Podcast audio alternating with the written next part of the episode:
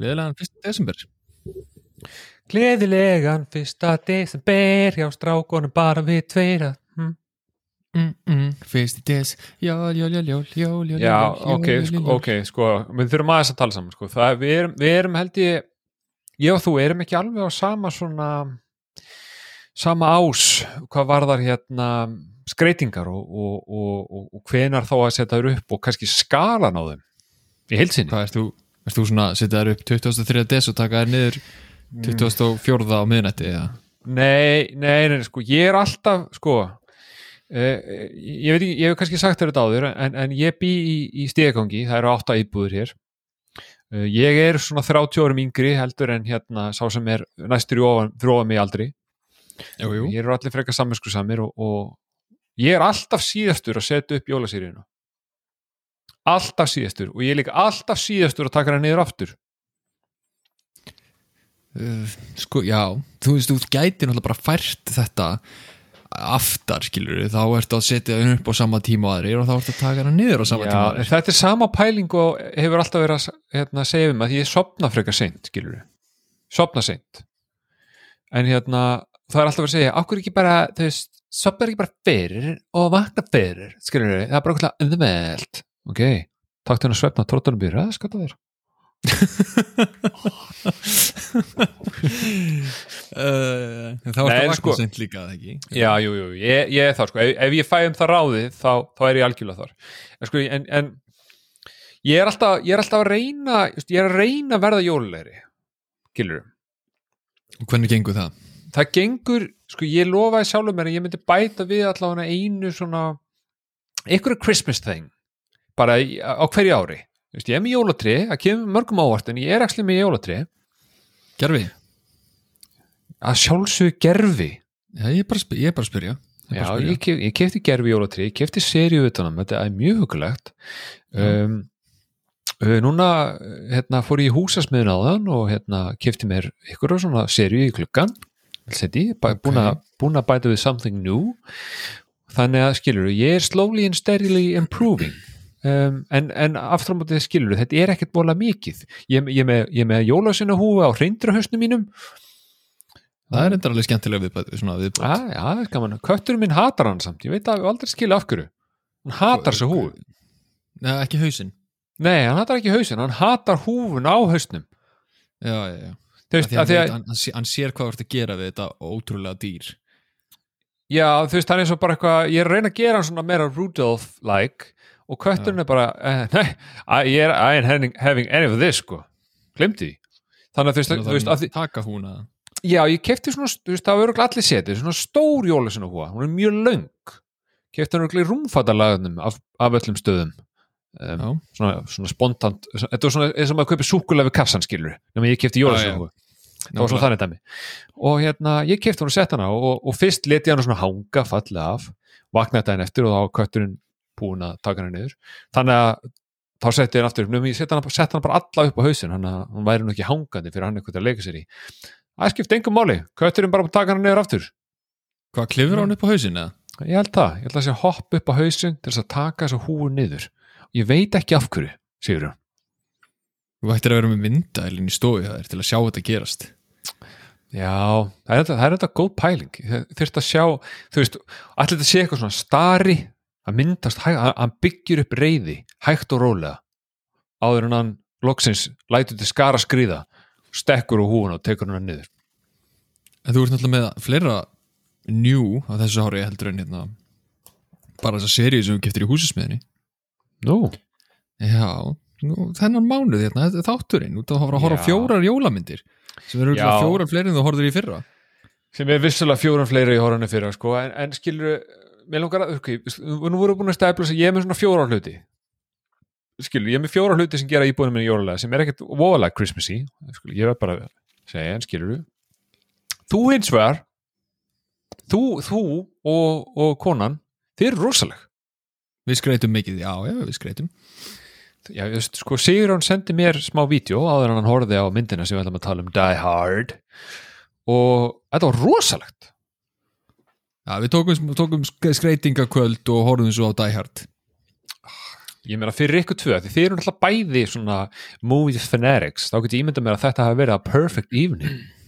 Já, ég meina við vorum með líka sko, við erum með inn í stofu uh, sem dæmi, þá vorum við með hérna dagatalið úr Christmas Vacation sem að þú ert eftir að sjá í, í næstu viku þú horfum á myndina og sérðu það dagatal og svo vorum við með líka, já, ég ég, við erum með meira skraut úr myndinni ég skal þér það bara næstu viku. Um, Já, en, en ég er spenntur fyrir þessu mánuði bara hjá okkur strákun, þetta verður bara cozy það verður jólamyndir, fáum kannski ykkur gesti skilur ég held að þetta verður bara mjög þægilegu mánuður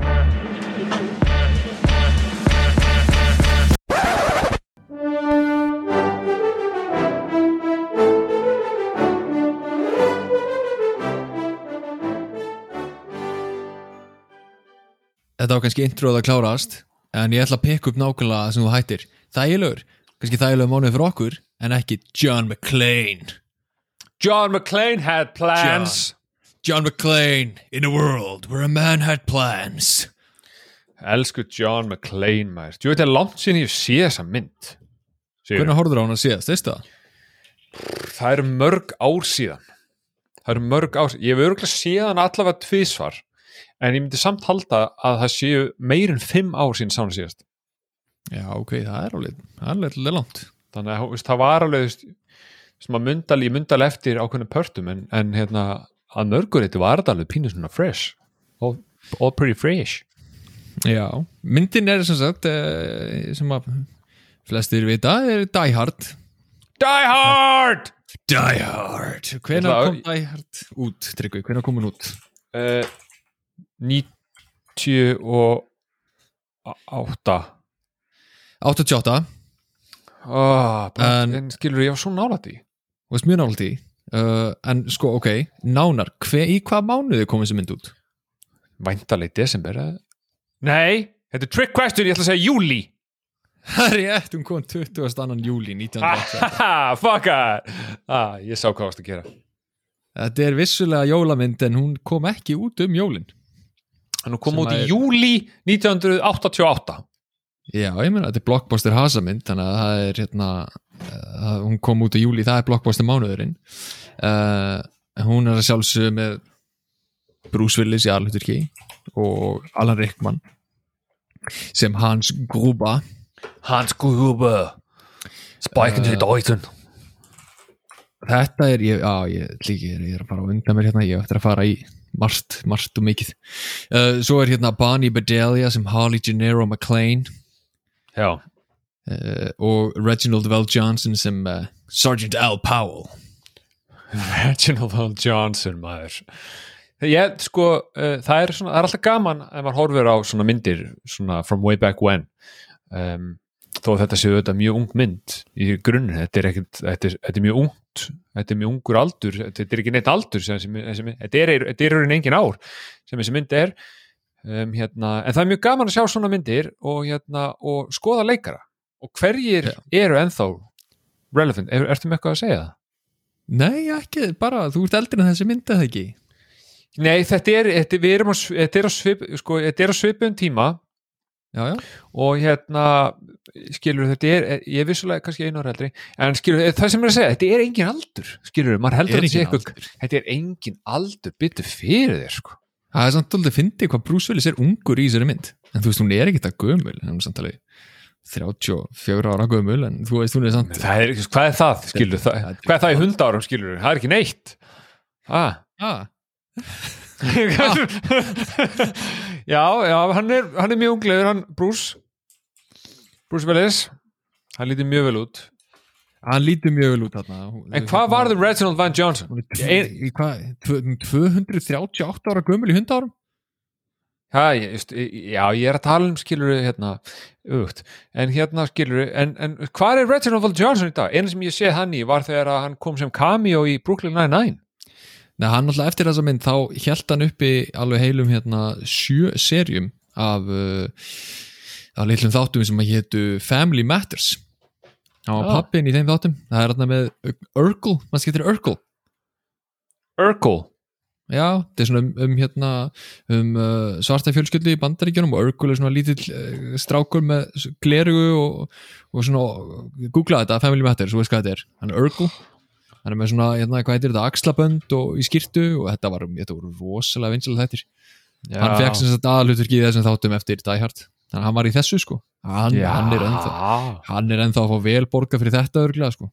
Vissu að ég hef heyrt hérna, ekki það skilur, ég náttúrulega veit ekki um neitt skilur, en, en ég hef heyrt samt sem áður að leikar tala mjög um, oft um það að það að leiki þáttaröðum sé í rauninni þægilegast að vinna sem til er Já, svo náttúrulega færði það sem heitir syndication. Ef þú gerir 100 þætti þá verður syndicataður og færði syndication. Er Syndicate eitthvað svona glæpastar sem það? Jú, jú, algjörlega, en ekki þessu tilfelli.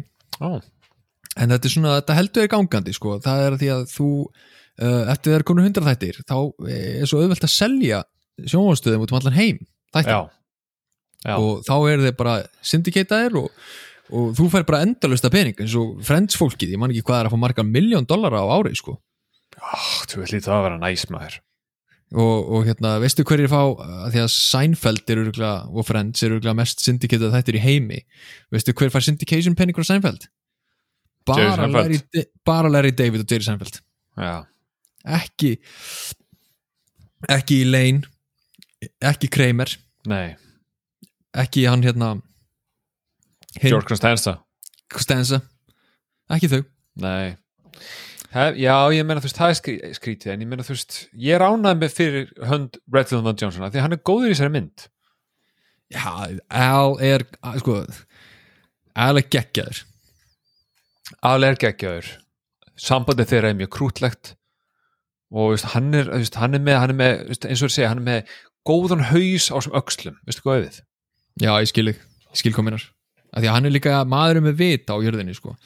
en ef, ef að fólk býr eða hefur búið undir kletti bara allt sitt líf og veit ekki hvað kveikmynd Die Hard er þá er þetta mynd sem að koma svo sem 1988, hún snýst um lauruglumann frá New York sem að er að koma heimsækja konuna sína sem að býr í Los Angeles og hefur verið þar síðustu sex mánuði að vinna fyrir uh, fyrirtæki þar og, og er hann hátt sett og hún er að koma að hitta hana í, í jólabóði og uh, í miðju jólabóði koma glæpamenn inn og taka yfir bóðinu að og hann er ekki að hann þarf einn að berjast á móti hvað, 12 glæpmönnum?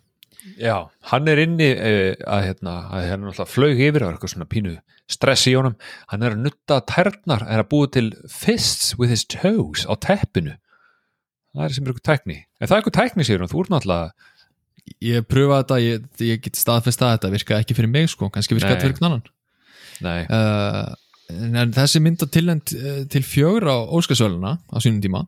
Mm vann ekkert en hún samt hérna, þetta eru bara svona technical tilendingar, þú veist, besta hljóð, besta klipping og svona dótt Þú ert að segja mér að John McClane hafi ekki verið nominated for an Oscar as a best actor? Það er glæpur, Það hann hefði náttúrulega nei, taka þetta sko. Ertu að segja mér að Alan Rickman hafi ekki verið an Oscar nominee for best supportive actor For Hans Gruber. Hans Gruber. Uh, myndin hún kostaði hérna 28 miljón dólara og grætti uh, samtals 141 miljónana hún var, hún var, hún var box office hit Mhm. segja. Uh, og hún bara þetta er, þetta er bara fucking legendary mynd. Hún er, veist, hefur ekki séð Die Hard, horfðu bara Die Hard sko. Hver hefur ekki séð Die Hard? Ég, er, er ég, ég, ég, held að það sé enginn sem hefur ekki séð Die Hard eða veit ekki hvað Hard er. Það ég, getur ekki verið sko. ég get bara ekki trúa því að einhver veit ekki hvað Die Hard kannski móði mín svona því reynda því ég hugsa út í það. Hún veit samt ekki hvað Hard er sko. Já líklega en hvort, ég veit ekki hvort um sko móði mín er meira svona að horfa á Downton Abbey og, og, hérna, og Murders í Road og, og hérna, eitthvað svona sko. Downton Abbey er samt geggjað þetta er ég, er ekki að taka neitt af þessum þáttum skilja, það er bara ekki sama, sama genre. Nei, nei, nei, pappiðin, hann er Die Hard maður hann, ég trúi því. Já, ég menna að Það er Hard líka, það eru líka referensar í þessari mynd sem pappiðin rúglega hriðin af. Þú veist, Roy Rogers og svona. Já, referens sem ég skildi ekki sko.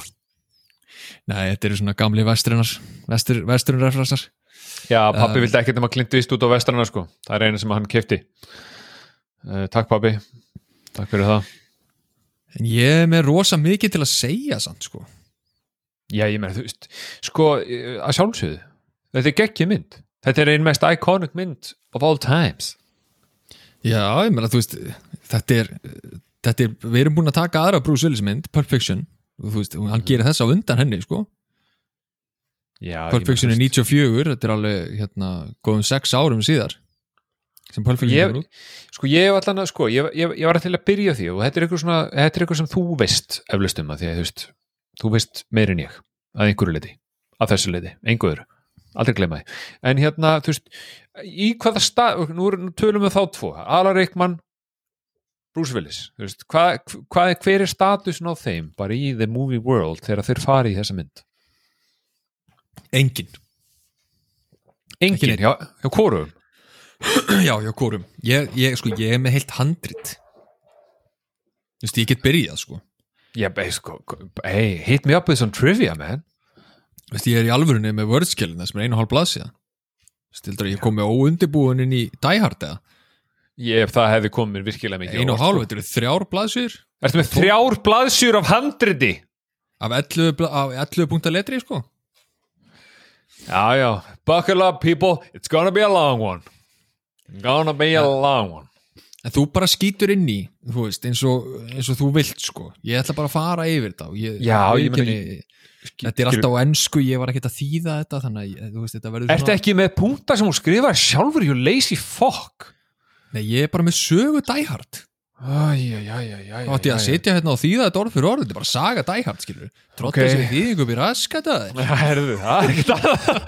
Það er ekkert annað. Já, ég ránaði að Sko, við erum allan með rétta attitude fyrir hérna, það sem við erum að fara í sem er Ei, ég, ég er að sjálfsögja búin að skrifa niður mína punkta og þeir eru bara hérna þeir eru alls konar.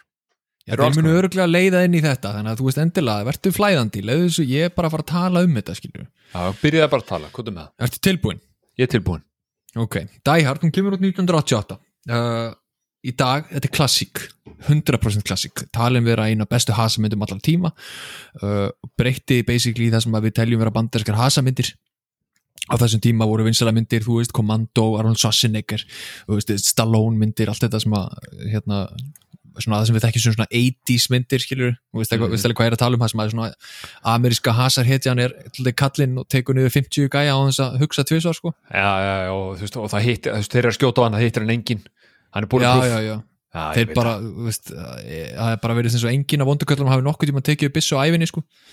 Já, ég veit að það er, það er sko, sko, sko, ég ætla bara til að stoppa í smástund þar, þú veist, ég hugsaði um þetta í þessari mynd.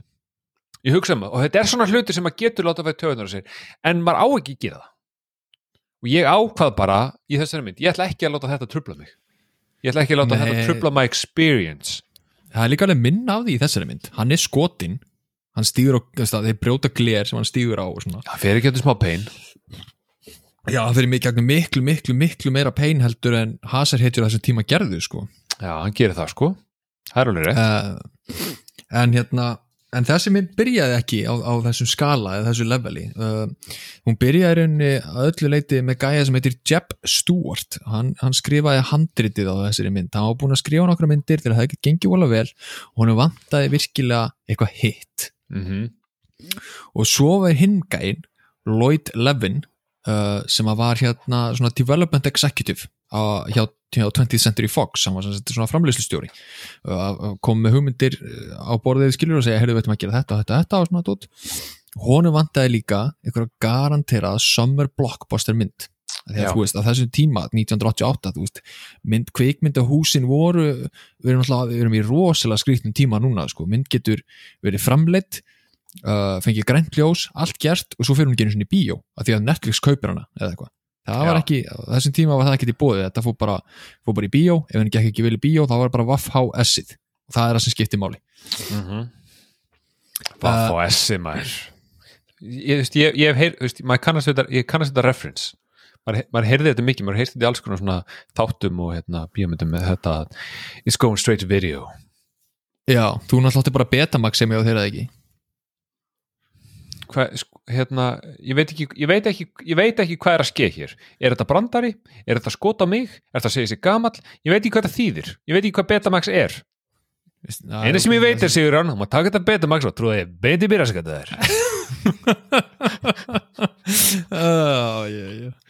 Það er svo góður uh, Já, ég held að sé mjög mikilvægt að bara í þema þáttar þess að við séum pínu aggressive skilur við já, Já, ég held það líka Ég veit að þetta er Christmas Þetta er- er fyrst í Christmas special En þetta er fucking Die Hard Já, þetta er öðruvísi jólamynd, sko Þetta er Þetta er Die öðru sjólamynd En ok, sko, ef við fór spólum aðeins aftur í tíma þá sem sagt var hérna 1968 þá hafði Fox búið til mynd sem var mjög vinsæl sem heitir The Detective og, og það leik engin annar aðalturki þar heldur en uh, Frank Sinatra.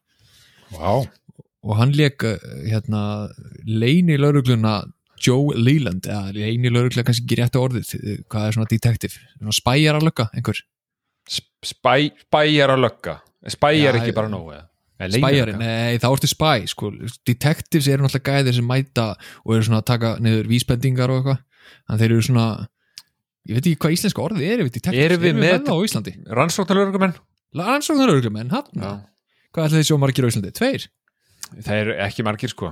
Eitt er að þau komið heim til mín sko þegar var brotið með bílskrunni fólkdur minnum það er hann að saga Hvað heyrðið þú? Ég heyrði að veri maður hérna í gær. Okkur vaktir ekki fólkdæna? Ég var hrættur Já, okkur stoppa, reyndur ekkert að gera til að stöða Ég er sex ára. Hefur ekki séð Die Hard? Nei, nei, nei, þeir voru ekki alveg svona. Nei, ok. En hérna sem sagt, það var mynd sem að kom 68 það sem að, sem að Frank Sinatra leikur rannsóknarlauruglu Joe Leland og myndin var uh, hún var hitt og, og, og fekk góða dóma á sínum tíma. Hún er bara með 6,5 NDB í dag en ég, ég hef ekki séð hana. Uh, og það var eftir bók sem var skrifið af hérna, Roderick Thorpe. Og hann skrifaði framhaldsbók 1979 hún hétt Nothing Lasts Forever. Og Fox átti sko réttin að þessari bók fyrir, fyrir kveikmynda útgáfi og, og þessi hérna Levin sem að vann fyrir Fox, hann vissi það að þarna var þarna var eitthvað hitt þessi, þessi bók var með góða rætur í sér mm.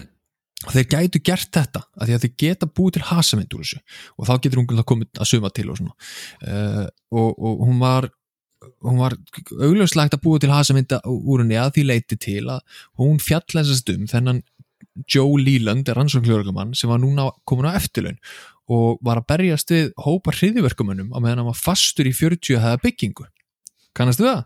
Já, kannastu þetta? kannastu það? Einmitt. Hljóma kunnulega Já, hann er Levin handritsöfundurinn, nei Levin hérna Fox-starfsmæðurinn og, og, og Jeb Stewart handritsöfundurinn, þeir ákveða samin að krafta sína þarna og búa til sem sagt handrit úr þessari bók mm -hmm.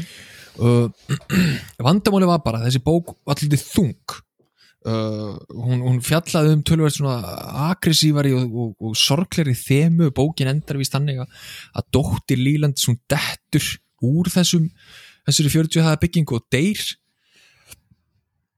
Þannig að, þannig að Jeff Stewart á svona, þú veist, hefði, ég veit ekki alveg hvernig ég á að breyta þessu í sko aðeins meiri svona light Já, þema, veist, þetta Já. getur ekki við erum ekki að fara að setja mynd í bíó í júli uh, sem snýst um þetta sko. Það gengur nei Þetta hljómar ekki, ekki svo mynd sem ég myndi henni að horfa sko. Þetta er ekki ofsett Nei, lí- ég meina líka bara allir mæta í bíóið, þú veist, það er júli, það er sól það er, þú veist, og okkur pop eitthvað og bara að horfa- Summertime.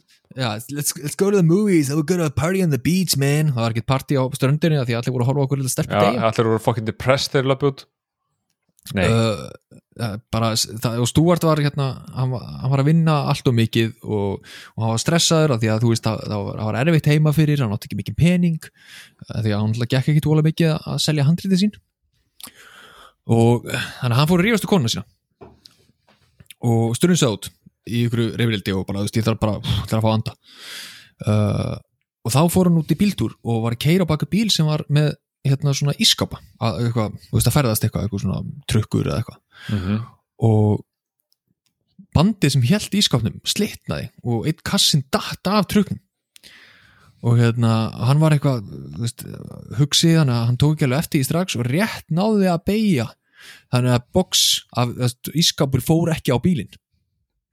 Ok, þannig að hérna, hann hugsaði fuck, ef ég hefði dáið þarna þá hefði ég ekkit þú veist, þá hefði síðustu orðin mín við konuna mín að verið bara það að ég, við værum að rífast og ég hefði strunns út og þá hugsaði hann býtum við. Death by Fridge sem sagt. Já, og líka ömulötu þetta Já.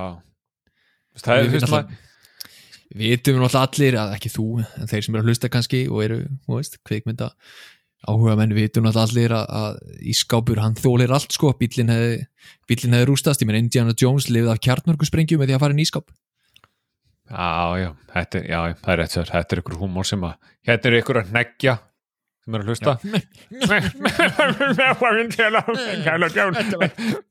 Heyrðu þetta ásti mín, heyrðu þetta vissur hver leikurinn til, það er Harrison Ford? Nei. Nei, Death by Fritz væri ekki góðu döði væri döðtæð Nei, ja, þess að aðri í Indiana Jones 4 það sem að vera, hann er á svona fake bandariskum bæ, skilja sem er að gera svona nuclear testing, svona 50s bæ og það kemur viðvörunarbjöllur um að sé að fara að koma kjartnokksprengja og Indiana Jones fer inn í tóman ískáp, kjartnokksprengja springur ískápunum flýgur svona, að, ég veit ekki þrjá kílómetra í burtu og hann stendur upp úr ískápnum og er ekkert á hann og þetta er bara eitt fáránlegasta atriði sem að ég hef séð. Já, ok. Þurfum ekki að stoppa þar, Death by Fritz er ekki góðu döðtæði uh, vilt, uh, sagan heldur áfram? Eða hvað, viltu taka pásu í sögunni eða hvað viltu Nei, okkur eftir að taka pásu í sögunni ég veit ekki, maður talaði Þetta ekki bara að taka þessa pásu og tróðun upp í raskatið Albertus En þetta gáði Uh. uh. uh, hugmyndina um það, heyrðu, ok gefum okkur þessa, tökum þennan sögutráð skilur að, að þessi karakter hérna inn í húsinu uh, hann er að eiga við erjur við konuna sína og þegar að reyðjuverkavennir koma þá eru þau nýbúin að rífast og, og það heldur um dóldi gangandi skilur að þetta getur eiginlega ekki verið síðasta augnabliki sem að þau voru að, að spjalla skilur sem er, sem er mjög bara sniðugt að því að þú veist í bókinni þá var þessi Líland hann var bara uh, þunglindur hérna, að, að skilin lögreglumadur sem að sem gekk bara í gegnum rosalega sorgmætla hluti í sér bók eins og að missa konuna sína. Og, og til þess að gera þetta líka þá ákvaða að yngja karakterin upp um 30 ár. Og þannig kemur John McClane, hann að þú veist, þú komið með þessa bók sem er í grunninn bara um einhvern einhvern, hérna, eh, einhvern löggu eftirlaunum sem að fyrir að takast á við hriðjuverkamenn í húsi og breytir því bara í basically allt aðra sögu, einu sem heldur eru glæbmennir og húsið. Húsið og, og þetta lögga. Já. það er eina. Já, sem er líka alltaf fyndið að, að það hefur engin Die-Hard mynd verið skrifuð sem Die-Hard mynd. Hvað minnur þau? Já, það, er bara, það hefur aldrei komið handrit sem er bara, heyrðu, þetta er og þarna allavega sér þeir að skrifa handrit fyrir þessa bók og, og allar framhaldsmyndunar hafa alltaf verið handrit fyrir eitthvað annað sem einhver hefur lesið og sagt, heyrðu, við getum breytt þessu í Die-Hard mynd. Já, sko ég, sko, í minningu ég hef nú séð, ég held ég hafi séð fyrstu fjórar, alveg fyrstu þrjárunu kannski þær sem að eru svona í mestir tengingu við hver aðra því að fjóruða kemur svolítið langt á eftir er það ekki Jú, Jú. það er núna sköllóttur og svona. Það var hann sköllóttir, já. Uh, Eitt og tvö. Tvö er þarna með Simon Says, eða ekki? Nei, það er þrjú. Tvö Það er þrjú. Já, já, hún er ekki góð. Já, já. En, Hún en, er, vandamáli við tvö er að hún er of lík eitt. Já, ég var ekki hrifin á tvö. Ég var hrifin á Simon Says. Já, Það vartu líka með það hérna, Samuel L. Jackson sko. Motherfucker. Ert með, já, með Samuel L. Jackson sem að, hérna, kemur hérna og bjargar honum úr þessari klípu sem hann er búin að koma sér í að sem hann þarf að vera með uh, mjög rasíst skilti framan á sér. Já. Það er sko, ég hefði gaman að henni En það er Samuel L. Jackson líka þar og skilur hvernig er ekki hægt að elska Samuel L. Jackson? Já, það nokkulega Þetta var líka mynd sem að þeir voru að, voru að gera saman eftir hérna Pulp Fiction. Já, nákvæmlega ekki það, ég held að þetta er deildur endar einhver atri í Pulp Fiction saman en Nei, ég gerði það ekki sko. En sko, hérna eh, er, Já, sagan er ekki búin. Sagan, vinur minn, þetta eru þrjár blaðsýður sko, ég Já, er bara að fara ekki um sögu dæhart hérna. Þú ert að fara ekki um sögu dæhard, ok. Hvern, eh, Viltu bara að fara ekki um alla sögu dæhard eða viltu splittu sér eitthvað upp? Viltu ræða myndinni í smá stund ég leiði mér að klára, hérna, ég skal segja þér því ég er okay, komin þú, hérna. já, þú, þú, þú lætir mér bara vita þegar ég má tala næst. Ég er hérna með uh, hérna, uh, rauðunum mitt og, og hérna Já, sus, that'll do, pig, that'll do. Ok, Ok, þannig að Jeb Stewart skrifar handrið sitt á bara nokkrum vikum. Fox sér þetta handrið og segir Yes, please yes please uh, Þannig að það er bara, það er bara keift og bara ok, let's go uh, Og Joel Silver, veistu hver það er? Nei, Nei. Ég, skal fræ, ég, skal, ég skal fræða þig og, og þá sem að vita ekki hver Joel Silver er Þetta er sem sagt af hverju þarf þetta að segja þetta með þessum smug fucking tón Veistu hver, Byrju, hérna, Joel Silver, veistu hver það er? eða? Nei, leiðu mér að fræða þig og alla sem vita ekki, þú veist þú getur tekið hennar smögg tón og trúðanum upp í raskat Upp í raskataðir Æjæjæj. Þetta er gott. Mhm. Já, hérna, ok, hann, þetta, er, þetta er bara svona legendary uh, framlegandi, þú veist, hann hefur gert myndir eins og allar Lethal Weapon myndinar, hann framleiti Matrix, veist, hann framleiti Predator, Commando, þú veist, bara basically, hann er með 135 credits, þú veist, gæinn hefur gert endalust af myndum, við fór Vendetta, þú öruglega sé hana? Já, ég meina, en þú veist, það sem er, eru relevant núna, Predator Commando Halló. Já, það eru, það, það eru svona myndir sem við viljum tala um í í tengingu við Die Hard. Já, já, já, algjörlega. Það eru, veist, það eru myndir sem hann var nýbúin að gera þessum tíma, sko. Mm -hmm. uh, og hann bara, þú veist, sér þetta handrit og er bara, ok, let's fucking go. Uh, uh, já, þannig að hann hérna hugsaðar uh, að því að hann er, er búin að gera myndir eins og Commando, Lethal Weapon, Predator. Uh, það vildi Fox með því að fá hann á baku þetta gera sömu basically mynd og þessa myndir voru. Það sem Mm. að þú veist þetta er svona one man army, bara eitt gæi sem að kemur inn og græjar allt. Hann er bara Og- fuck a shit up. Já, og myndin var pitchuð basically sem Rambo á, í skrifstofubyggingu Já, og þá, þá náttúrulega er Rambo 1, 2 og 3 búinir að koma út á þessum tíma því að Rambo 1 er ekki sama mynd og Rambo 2 og 3 sko á enga veginn. Og nei, veist, að deyr bara, bara einn maður í Rambo 1 og það er ekki, Rambo drepur hann eiginlega ekki sko. Ég veistu hvað ég man ekki eftir að séð Rambo Nei, ok, þá fyrir hún á listan, við þurfum að horfa á Rambo að því að Rambo 1 er mynd sem er geggjuð og hún á eiginlega bara ekkit hún heitir náttúrulega First Blood en, en hún á eiginlega ekkit samilegt við öllum hinum Rambo myndunum sko. Nei. Ég Uh, bara, þú veist, ég, ég, ég veit að ég, ég, ég, líður sér að við séð af henni. Ég sé brota henni, þú veist, auðvitað, það veit allir hver Rambo er, skilur, þetta er náttúrulega bara mestu nagli í heimi. En ég, veist, ég held, ég held ég hef ekki séð þetta, sko þeim er að Stallone skrifaði handriti fyrir Rambo.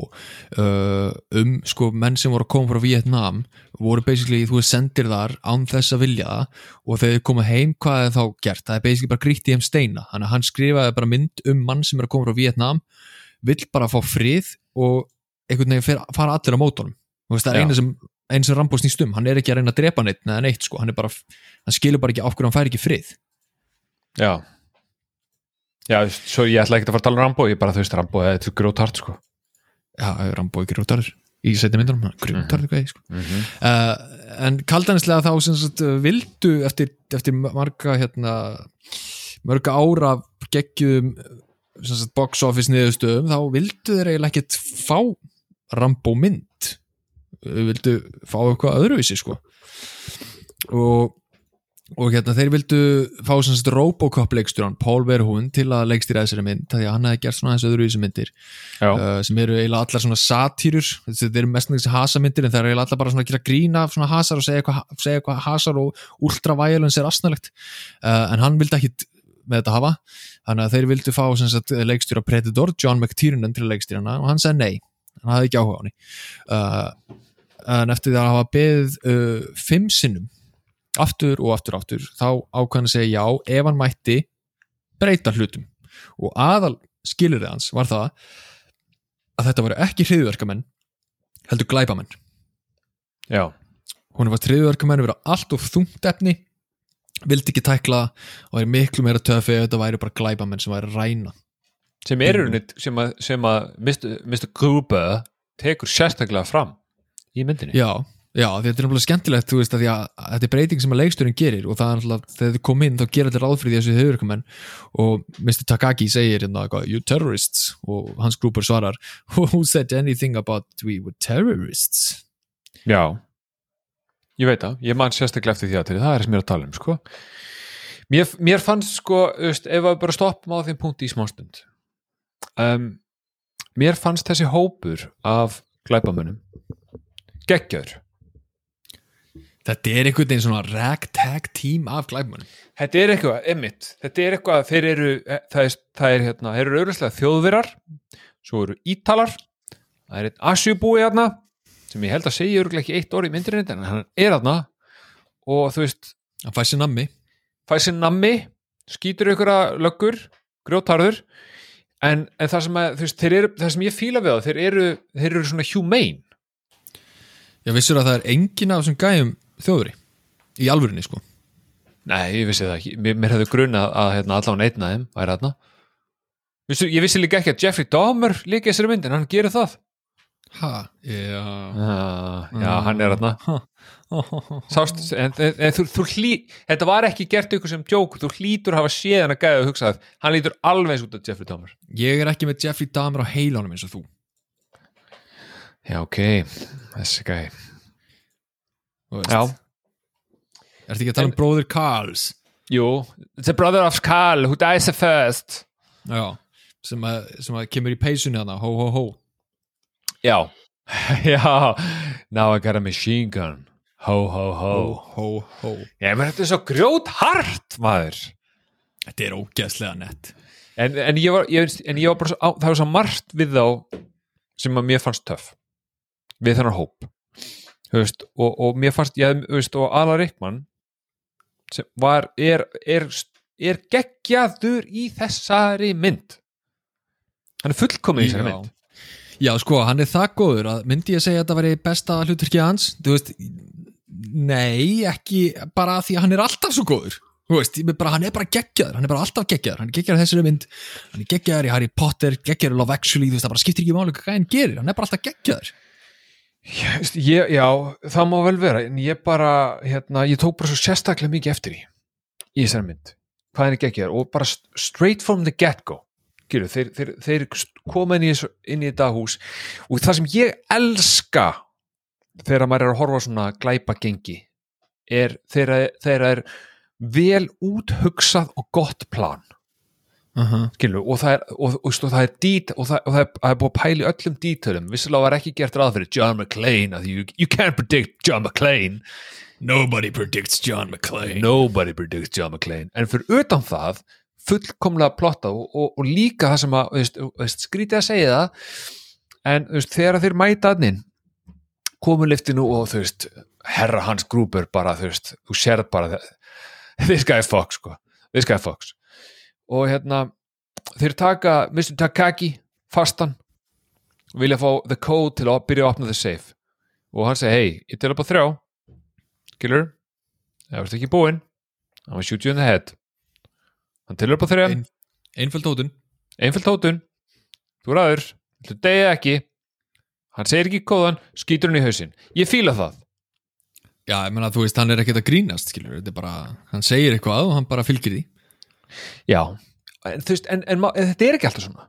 Stundum er þetta svona þú veist, draugum þetta þess að langin I'm gonna give you one more chance. Ég ætla, ég ætla ekki að reyna að taka þýskan hreim það mun ekki fæða menn en uh, skilur, veist, geta svo- counted to three and you did not give me the code. Where's your Okay. code, Mr. Takagi? It is fine, I will give you another chance later in the movie when it is important to the plot. Já uh, Ég sé eftir ég að við höfum gert þetta. En hérna en já, en skilur en, en, og líka, veist, en allt við þá er svona þetta, þú færð það væp frá þeim allan tíman að þeir eru glæpamenn. Eins og þú segir, þeir eru glæpamenn. Þeir eru þarna frá point, þeir eru þarna til þess að ræna þessum 640 miljón dólarum þeir eru ekki þarna til þess að drepa fólk sko. Nei, ég meina þeir eru bara, þetta eru þjófar vissulega mjög kaldir þjófar. Já, veist, þetta er ekki þjófarnir sem að horfir á í Italian Job eða eitthvað sem að svona einregla, ég drep engan. Þú veist, þú heldur með þeim út myndina skilur, þetta er ekkit Ocean's Eleven þjófarnir þetta eru vondu þjófarnir, þeir eru komni til að ræna. Ef þú ætlar að stoppa þá, þá útrýma er þér en markmiðið þeirra er ekki að drepa fólk það er að stela þessum pening. Já. vissulega er hluti að planinu þeirra að drepa alla sem er í húsinu sko, nú því ég hugsa já, um það. já, ég, ég reynda, ég hugsaði það líka reynda sko, en, en, Já, en þú ekki það- annars, en- en annars er þið bara með ákveð plan skilur þeir eru bara með mjög gott plan skilur, og ég respekta það inniheldur vissulega að drepa 40, 50, 60 manns en þú veist plan. Skilur það kemur í lokin við þurfum ekki að ræða það akkur núna. En það sem ég en líka auðvitað og eins og þú veist það er í mikill áhuga maður um hérna, hverjir eru hérna, settir í myndir. Ekki bara aðal, aðleikarar heldur líka auka. Um, og þarna eru auðvitað þú veist, þetta eru þetta er glæpa gengið í rauninni þeir sem að fá mestan svona screen time uh, og ég var mjög að þetta fyrir utan með klein, já, já. Fyrir utan með klein, já, sjálfsög, fyrir utan með klein uh, að þetta er a, del, uh, a delightful group of hot boys Þetta eru, já, ég ætla að, ég var búin að undirbúa þetta, sko, ég vissi að þetta kæmi upp. Uh, ég, með, ég, með, ég kom með spurningalista fyrir þig hérna. Já, og, og líka þess, og, til þess að bæta við það, þetta er allt sko mannst eftir svona 80s rockljónsutum sem voru alla með svona, þetta voru allt einhvern veginn gæjar með sítt ljóst hár Já, allir Já. eins einhvern veginn. Allir eins, þetta var bara eins og þeir farið bara í allar 80s rockljónsutir fengið aðal söngvaran eða bara gítarleikarinn eitthvað bara herðu, við erum að fara að búi til Die Hard. Það verður frábært ef þú getur leikið hérna uh, þjóðverja fyrir okkur í smá hlutverk. Já, þetta er basically þannig, sko. Þú veist, þetta er bara eh, það er einhvers veginn hérna uh, þú veist, þessu gæðin sem að leikur Karl ég sagði þetta náttúrulega í dag, gæðin sem leikur Karl. Karl. Sem, sem að deyr síðastur og er svona aðal buffaði gæðin þetta Já. er uh, þessi maður var ráðinn bara út á útliti sko. þetta er eitt fremsti ballerínu dansari eh, hérna Rúslands mjög áhugaverð trivia. Og veist, hann var settur sem mamma hans sett hann í balletta því að hann vildi ekki að hann myndi vera svona húlikun í Rúslandi þannig að hann bara heyrði þú ert að you are going to ballet. Og hann bara, einn besti ballettdansari allra tíma frá Rúslandi og svo bara heyrði hérna gamli þú lukkar helviti töff, getur þú verið í dæhart eða? Já, nákvæmlega. Em, þú veist, fullkomin hann er fullkomin fullkom, Og ég- hann er ekkert ég- lélugur heldur? Ha, ha, nei, hann er fullkomin, nei, hann er fullkomin hvað mennur ekki, ekki vera að breyta þessu. En, en, en sko að því sögðu þá hérna þá, þá held ég að, að í rauninu allir sem að leika í þessari mynd eru fullkomnir. Já, Það er engin. já, ok, já, sorry já, já, það er enginn sem er illa kastaður, ég er sammálaðir þeir eru allir kekkjaðir já, og það, það sérstaklega, sko, ég vil gefa stórt shoutout á gæða sem heitir Hart Bochner, sem leikur Ellis. El, já, ah, hann er geggjör það eru fáir karakterar sem að ég hata jafn mikið og Ellis. Og það Já. er bara þöks í leikarnum sko. hann, leik, hann, leik, hann leikur þennan hérna full, þennan Wall Street Trader það snjóur hjá honum allt árið. Það er alltaf Mhm. snjór. Það er alltaf snjór. hjá þessum sko. hann býr í LA en það er alltaf snjóri það honum er sko. alltaf snjór hjá honum hvort hann sé á 40. hæð það er snjór, inni það er snjór. Já. og hann, hann er eins og sé, hann er fullkominn douchebag. Hann gerir Það ógeðslega vel. Það er moment í myndinni sem hann segir við Hans Gruber Hans, Bubby what are we doing here? I'm, I'm not a method actor. Maður stætti því já, Já, þegar hann segir Hans, Bubby það var hérna af hans eigin frumkvæði sem sagt, leikar hans. Og, og hans, Alan Rickman, Hans Gruber gefur svona skrítin svip, bara hvað er þetta að segja? Það var alvöru svipurinn hans Alan Rickman því þetta var ekkert í handritinu sko. Hann Já. bara, hva, ha, hvað er hann að segja, Bubby hvað er hann að segja en ok, ertu tilbúin í þetta? Ég, ég ætla að fá að spyrja þig, ég hef búin að plana þetta. Ég ætla að fá að gera þetta, ok, ha, sko. Hot boy moment, verified hot boy. Ok, tilbúin, já eða nei, Ja. og þetta er verið, verið hratt. Ok, John McClane, já, Hans Gruber. Já. Al Powell, nei, Argyle. Nei, Ellis, nei. Takagi. Mm, 50-50 50-50, Carl Jað Theo, sem er teknikæðin þeirra Já, og svo síðast en ekki síst Uli bróðirinn. kynmaðurinn. já, nei, sem, Hvernig heitir kynverski glæpamæðurinn Uli? Það veit ég veit ekki, Uli, Uli, I have to get to the chopper ég held að það sé aldrei jú, ekki, ég hef sagt nafnið hans, ég veit það ekki Já, allavega. kannski, þú veist, you have to check on Uli mögulega um, uh, Nei Hann var með svona, eh, sko, ég reyna að rifja þetta upp. Mér, mér líður þess að hann hafi verið mjög sítt hár en það var svo definitely svona þundað ofan. Já, og hann með líka goatee Já, þú veist ef, ef hann myndi hérna raka sér hausinn þá myndi ég mögulega gefa hann um hotboy ok, og síðast en ekki síst Holly Gennaro McLean verified hot girl? Ég veit það ekki Já, já hún, er, hún er, þú veist, það er eitthvað við hana já, en sko, sem er annað sem, sem er gott að myndist á það perms Sigur hún, við veitum um að tala um dæja hann ræðum aðeins um perms, hún er með perm og allar konur í þessu partí er með perms Þetta er tískan hvað varðum the perm? Er þetta ekki, ég meina, tískan fyrir ringi, er þetta ekki bara að koma aftur eða? Er ekki komið tíma á það? Já, ég meina þú veist, ég velti í fyrir mér hvort að the perm sé bara right around the corner sko. Er það ekki bara, ég er með hugmynd. Að það er alltaf að vera einhver trendsetter skilur, hver var þarna íslenski rapparastrákurinn sem ákvaða hérna, ákvaða nenni ekki að greiða sér hárið, þannig að hann klifti það bara slétt. Já. og nú voru allir unglingstrákar bara með slétt hár.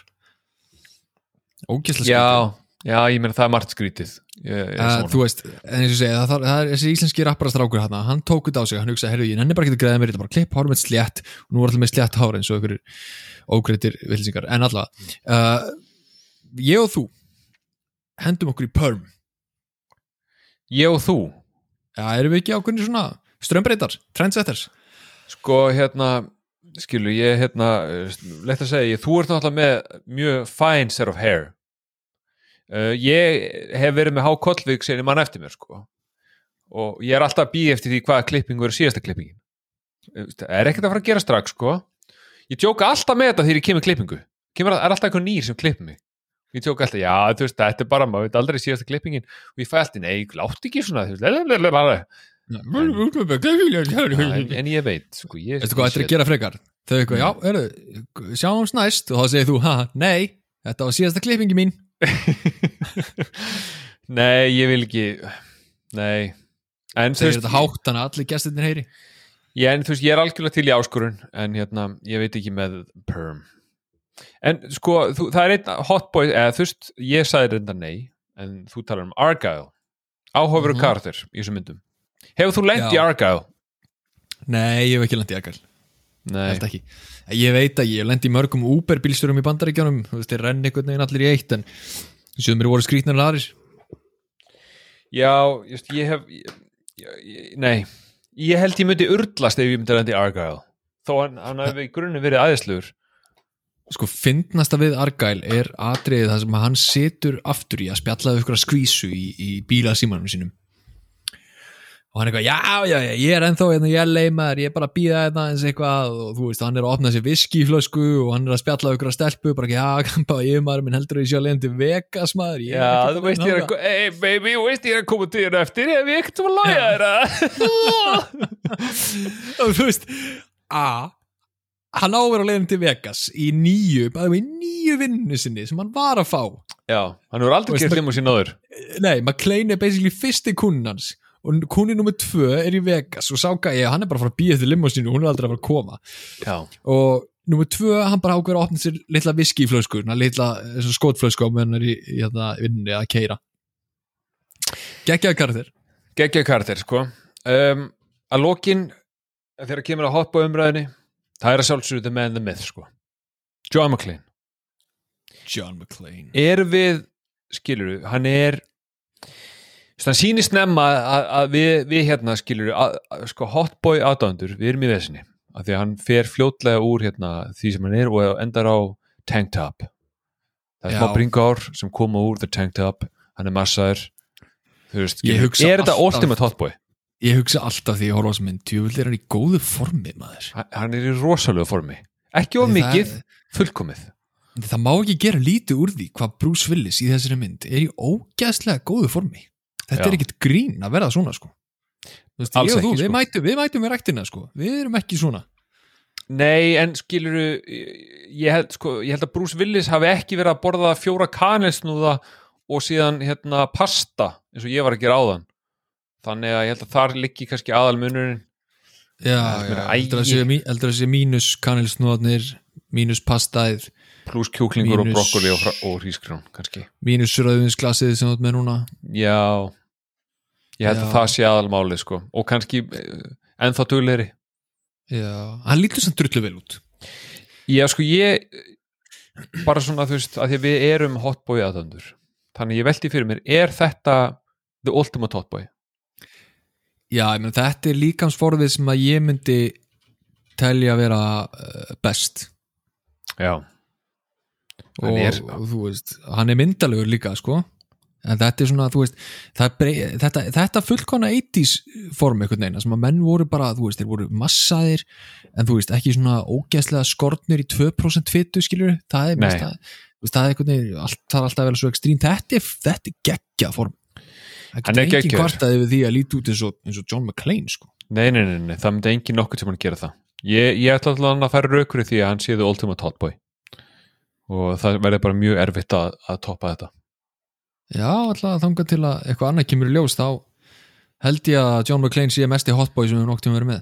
Já, ég, ég samfór uh, ég var að lesa, ég skrifaði niður hérna, við, veist, hvað við, að því að við vorum að tala um Ellis á þann, við munum örugglega ekkert, hann mun ekkert koma upp aftur í samanláðunum þá hérna skrifaði ég niður línu sem hann sagði hérna. Uh, þú veist, að því við vorum að tala skýr, hann er geggjaður dúsbæk hann er fullkomið dúsbæk og ég skrifaði niður línuna á, þegar hann ætlar að fara að tala við hans grúper og hann ætlar bara að fara að koma þeim úr þessum aðstæðum. Mm -hmm. hann ætlar að ringi John McClane gamla vinnans og hérna en hann er svona mannas upp í það. Og fær sér smá af hérna hvítu huriki áður en hann segir við Holly Gennaro I negotiate million dollar deals for breakfast. Spriggins í tag þú veist bara hvað af hverju, ha? Áður að lappa sér inn og fyrir að semja semja með að Þetta er náttúrulega gæði sem að það snjóar það mikið sko að hann heldur að hann sé guð. Já. En það er fyndið að skulle nefnilega segja þetta með hann fæði sér smá snjó hérna, smá kvíttuft, smá hugrakki á hann fyrir að semja. Uh, og það er eitt sem að ég tók ekki eftir fyrir að ég las svona, svona pælingu, þú veist, ætli þetta sé það sem að er verið að gefa í skinn að því að hann fær að setjast þarna inn í stofu á hans grúper og hvað kom hriðverkan menni með uh, fyrir hann? Ég veit svo hvað það er kók þeir kom með kók þeir kom með kók dós. Coca-Cola Já, já, og það var nefnilega spurningin sko, þú veist, sagðist hann eitthvað do you want something? og hann hefur sagt kók veist, og actually vilja að fá kókain og er mm. og þeir verðandi þýskir, þeir eru bara svona ó, já, já ok. það er Coca-Cola, já, við, kók, brand já. já, þú sækja bara kókdósur hann og hann bara svona, ok, já, já, svo sem Já, menn hann já, það er góð Já, skemm, ég, sko, ég tók eftir því að þetta var kók ég, en ég fór ekki í þessa pælingu sko. Nei, ekki ég heldur, ég sá þetta bara á netinu ég var eitthvað eins að skoða og ég hugsaði, já, veist, þetta er helviti góð pæling ah, Þú veist, að auðvitað myndi gæði sem búin að vera þú veist, taka í nös allt kvöldið þú veist, eitthvað, heyrðu, viltu eitthvað? Já, menn eru þau smá kók og er lill til, skilur já, ég meina, þú ert nú þegar þú ert nú þegar high on kók, þú ert að fara að segja eitthvað svona, ég meina, ég var alveg til í smá meira kók, sko, ég meina, why not? bara, ok, geta með hana kók oh my god, þetta er geggjuð þetta er geggjuð pæling. Ah, sko, já, en það er svo, þú veist, það er svo, þú veist þetta, þetta, þetta er svo skemmtileg mynd það er svo gaman að tala um þessa mynd. Já, hún er, hún er bara æðisleg frá fyrstu mínútu, sko. Hún er, að, Það- hún, hún, er rúmið tveir tímar. Já, ég ætlaði að vera að segja, þráttur er lengdina, hún er tveir tímar og tíu mínútur. Þráttur er lengdina, þá er hún, þú veist, hún er bara hún er skemmtileg allan tíman, sko. Þú finnur Já. fyrir því að hún sé svona leng uh, En ok, ég var að halda áfram í sögu dæhart já, hvað er með það? uh, ok, sko, þeir vildu gera Rambo í, í skrifstofubyggingu. Og eins og ég sagði, þú veist, mm, framleidendur voru svona, heyrðu, við skulum aðeins fara að gera eitthvað dóldi annað. Uh, og, og John McTiernan er ráðun inn og hann vil gera eitthvað skemmtilegra. Uh, þá er náttúrulega bara spurningin hver á að leika John McClane? Já, og hugmyndin var að fá stórt nafn að því þetta á náttúrulega að vera summer blockbuster hit þessi mynd á að græða pening 100% Þannig að hvern ringja þeir í? Þeir ringi í. Stallone. Oh. Já, ok, býtu. Þeir ringi í Sylvester Stallone. Nei. Þeir ringi Robert De Niro. Nei. Þeir ringi Clint Eastwood. Nei. Arnold Schwarzenegger. Nei. Harrison Ford. Nei. Paul Newman. Nei. Al Pacino. Nei. Richard Gere. Nei. Burt Reynolds. Nei. Engin vill leika í þessari mynd. Af hverju? Bara, ég veit það hvað eru þeir ekki að sjá fyrir sér? Og þá er náttúrulega einn maður sem að kemur til greina að því að það þarf að drífa þessa mynda af strax. Og það er gæði sem að enginn vill fá myndina sem heitir Bruce Willis. Og Bruce Willis saði já, en agentin hans saði, heyrðu, byttu, byttu, byttu, byttu slökum aðeins á. Ég ætla að byggja um 5 miljón dollara. Og hann ringi tilbaka ok, Bruce Willis segi já fyrir 5 miljón dollara. Og það er smá back and forth. Bang, Bruce Willis fyrsta kvikmyndin sem hann leikur í 5 miljón dollaras það er mjög mikill peningur. Er sérstaklega 1988 sérstaklega 1980 að því að sko ég er núna bara því að þú talar um að, veist, að bæði hann og Alan Rickman er runni þannig séð pínu nobodies á þessum tíma. Já, þannig að ég fór bara inn á IMDb og er að skoða hérna bara hvað Bruce Willis er bara linkaður við fyrir dæhjart og þetta eru bara ég veit ekki hvað þetta er. Þetta Nei, er einhver þessum- einn þáttur af Miami Vice þetta er einn þáttur af Twilight Zone og, og uncreditaður í sex hlutum svo kemur eitthvað Blind Date Bruce Willis skoðar- Respect Yourself Sunset, að því að það, og sem er music video held ég af hans tónlist. Ef þú skoðar fyrir ofan Hard þá stendur þáttur sem heitir Moonlighting. Já, og ef þú sérð ártalið á honum þá er það fyrir Hard. Já Til eftir Die Hard. 1985 til 1989 66 þættir. En þess Já. fyrir utan hafði hann bókstaflega ekki leikið í neinu. Nei, og það er nefnilega málið sko, á þessum tíma þá var Willis einungis þekktur fyrir að leika í þessum romantísku gammaþáttum Moonlighting. Og hann var ekki búin að leika í bíómyndum, þetta var eina sem hann var að gera sko. Og hérna og hann fekk, þú veist uh, 5 miljón dollara sem að var óheirt nema og hafi verið, þú veist, Clint Eastwood eða eitthvað. Já, algjörlega. Og þessi upphæð, hún fór á milli manna. Allir frétta af þessu. Þannig að, eh, þannig að allir nú voru allir að tala um Bruce Willis og Die Hard. Bara hvað vitlis er þetta, okkur er verið að borga þessum gæði 5 miljón dollara fyrir að leika í þessari mynd. Og þá fóru öll augu á myndina. Og þau voru tilbúin til að horfa á þetta framleiðslu verkefni og horfa á það feila, hart já, bara þú veist, hvað djók er það að borga sem hann er 5 miljonir þetta er bara Já, bull. bara þetta grínast, þetta borga gæðan um Moonlighting 5 miljón dollara fyrir að leika í hasamynd er ekki lagi Já. með ykkur eða? já, ég skil það. Uh, svo sem sagt fóru þeir að ráða auka hlutverkin, þú veist bara hinn og þessa einhverja minni þekkt nöfn eins og rúsneska ballettdansarann og þú veist allir allir hensmennir, þeir eru bara svona hi- hinn og þessi, ekki Já. einhver sem eru þekktir. Og eins og Al Powell, ekki þekktur heldur en svo reyðu þeir Alan Rickman. Og þá náttúrulega var spurningin, hver er þessi Alan Rickman líka? Er hann að leika eitthvað vondakall í ykkur bíómynd? Hann hefur ekki leikið í bíómynd aðar heldur. En það var þess að þannig að voru 1987 þá voru leikstjórinn John McTiernan og framleiðandinn John Silver þeir voru á leikriti sem er Dangerous Liaisons af því að fyrir þetta þá var Alan Rickman mjög þekktur sagt hérna uh, svona leikrita leikari, sviðsleikari. Já, ég ránar og virkilega laðið fram Dangerous Liaisons Dangerous Liaisons uh, og þau horfðu á það leikrit og það var að leika vondakallin í þessu leikriti og það hugsuðu bara strax, heyrðu, við, fund, við fundum hans grúpar og Alan Rickman var næstu búin að segja nei af því að hann feitir Hollywood og hugsaður ég komin tíma að ég fara að búa til ykkur á bíómyndir. Og hann er búin að vera í tvo daga. Og þá fær hann þetta bóð bara, maður bjóður að leika hans grúpar í sér mynd Die Hard hérna á móti gæðinum úr Moonlighting uh, þú leikur vondakallin og hann hugsaði nei, ég vil ekki leika vondakallin af því að veist, ég, ég vil bara leika eitthvað annað í ykkur annari mynd og vera þekktur Já. sem góðu gæðin og svona, þú veist, vera leading Mhm. man og agentir hann sagði hann, nei, þú tekur þessa mynd gaur, þú ert ekki búin að vera hann í viku, þú komið kveikmyndatilbóð, taktu því uh, sem hann gerði en það náttúrulega vissulega hafði þær afleggingar að í gegnum árin hefur eða, þegar hann var lifandi náttúrulega, hann var alltaf tæpkastaður sem vondikallin en þú veist, hann er fucking fullkomin í þessu hlutverki sko. hann er fullkomin og þú veist, ég ég, ég, ég sé þessa mynd.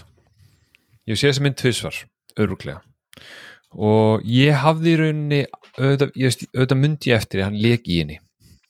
En ég myndi ekki eftir hvað hann er góður í þessari mynd hann, hann er hann er í rauninni alveg fullkomin að öllu leiti í þetta hlutverk. Og, og, og þú veist, og eitt af minnum uppáhalds atriðum í þessari mynd er þegar að hérna, þeir hittast í fyrsta skipti í þarna í liftuganginum eða eitthvað þar sem að hans er að reyna að fara að gá hvort að uh, þessi búið að setja upp sprengjurnar.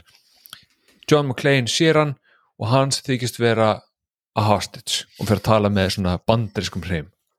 Mm -hmm. Þetta er reyni að vera eitt af mínum uppáhalds atriðum í þessari mynd.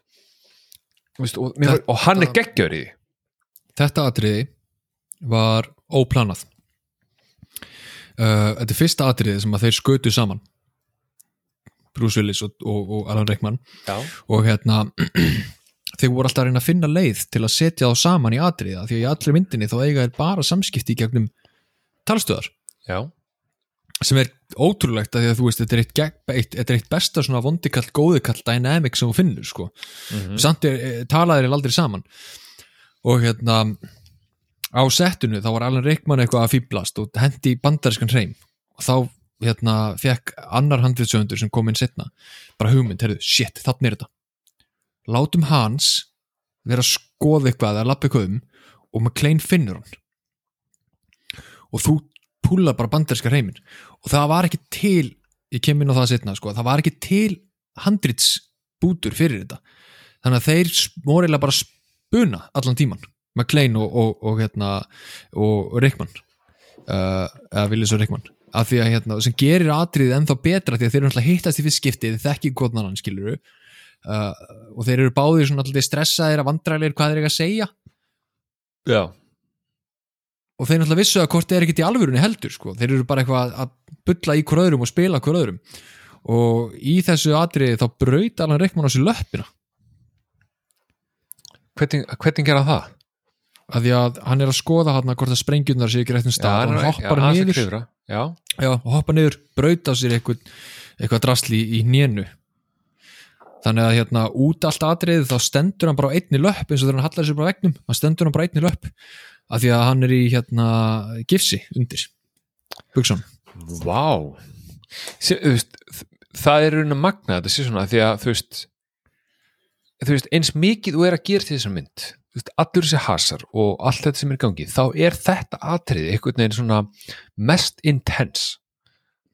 Já, mér finnst þetta líka sem bara mest intense atriði í allri myndinni og þú veist, og það að heyra þetta sé síðan ekki bara spuni eitthvað sem þeim dettur í hug er, Mér finnst það, mér finnst það líka sína eiginlega mest af öllu. Ok, Alan Rickman er búin að plana allt basically, við komumst að því skilur þú veist, hann er búin að plana FBI komi þú veist, hann er búin að plana basically bara allt frá aðtölu mm um, hann, hann gekk meiri sér það langt. Og líka hann man allt skilur þú veist, hann man allt um Mr. Takagi þegar hann lesa upp, þegar hann ringir lögguna og vill láta eitthvað fólk hérna, sleppa úr fangilsi þá segir hann við hingaðin ég las um þetta fólk í Time Magazine. Hann man Já. hverju þetta eru skilur -hmm.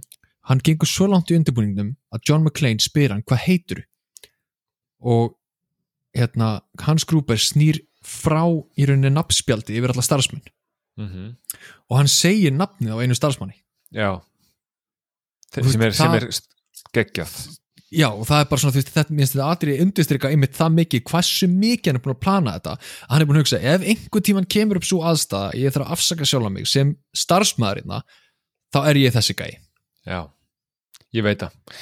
Sem að þú veist sem að gera, þú veist ég, ég, ég horfði bara á þetta atrið og ég var, veist, þa þarna var ég bara ég blikkaði örgli allt er, það er eitthvað við þetta hvernig þeir eru og, veist, og veist, þetta er auðvitað svolítið langt inn í myndina. Þú ert búin að fá kynnast þið mjög vel og þeir eru að ég veit ekki, þetta er bara þetta var eiginlega, eiginlega eitt af minnum uppáhalsatriðum í myndinni, Og líka- svona þannilega séð Já, líka takt til því að í þessu atri þá voru vondikallan að hitta góðakallin uh, í fyrst skipti. Um, á þessum tíma vanlega í hasamyndum þegar vondikallin og góðakallin hittast þá eru þeir að slást. Það er ekki eitt atrið í þessari mynda sem að John McClane eða Hans Gruber slást. Nei, sem að á að undistrykka það að þeir eru ekki að berjast við hvort annan beint, þeir eru í hugabaróttu skilur þetta er Já. bara battle of wits. Veist, og þarna er til dæmis eins og Alan Rickman segist heita þessi starfsmæður John McClane samt treystur hann ekki og gefur hann byssu sem er ekki með Þú veist, það er aldrei beint átök hjá þessum tveimur. Mhm. Það eru bara hugaleikir fram og tilbaka sko. Já og líka þú veist, og það er svolítið þannig með Hans Gruber alla myndina að veist, hann er sama hversu mikið fokkabur gangi, þá er hann í þessu missjóni þessu verkefni að stegja þessum pening. Það er alltaf end gólið hann er aldrei að leita því að drepa ykkur og, veist, og, og, og eins og til dæmis þegar löggan kemur og ætlar að tjartsa húsið þá segir þið, skjótið á þá ekki drepa þá. Já, já, á, á hérna, bílinn já, á gæjana sem er fyrir á já. Já, sem já. er fyrir utan svo vissulega sprengina bílinn sem að væntalega drepur alla þar og, og, en það er annar mál en, en hérna, veist, hann er definitely bara, þú veist þetta, er- þetta er allt svo útplanað já, sem hún er- vantaði náttúrulega að fá FBI á svæðið sko. honum vantaði að fá FBI svæði sko. I, you ask for a miracle, I give you the the FBI FBI oh, veistu, þetta uh, þetta er svo skemmtilegu karakter uh, en ok, sem sagt hann er ráðinn hann inn, hann Alan Rickman uh, sem gefur myndin ennþá meira aðtikli því að vondikallin er bara hver, ha, hver er þetta? Uh, en þannig að það McTiernan og, og gæðin sem að tekur upp myndina þeir vilja að hún sé eins svona raunverulega hægt er, þannig að þeir vilja ekki nota set. Og þeir fá afnót af sem sagt Fox Plaza byggingunni, höfustöðum Fox sem var ennþá verið að byggja. Þannig að þeir fá að taka upp myndina á sagt uh, hæðum sem er ekki kláraðar ennþá. Já, og þannig að myndin er tekin í alvöru stóru húsi og þú veist Nakatomi Plaza sem við horfum á oft að utan, þetta er alvöru Fox Plaza húsið sko. Mm uh, og það var þannig á, á tímapunkti sko að þeir þurftu að taka upp sagt eftir klukkan 5 að því að á hæðinni fyrir neðana sem þeir voru að taka upp voru lögfræðingar og bókald og, og þau gátt ekki unnið út af öllum sprengingunum og, og byssuskotunum og öllu því dóti. Já, já, já. Þetta, er, þetta, þetta er vandamál sem ekki just, margir díla við, held ég. Nei, að því að veist myndir eru líka vanlega bara teknar á stúdíói sko, þú veist, það sem að er búið að byggja sett og svona.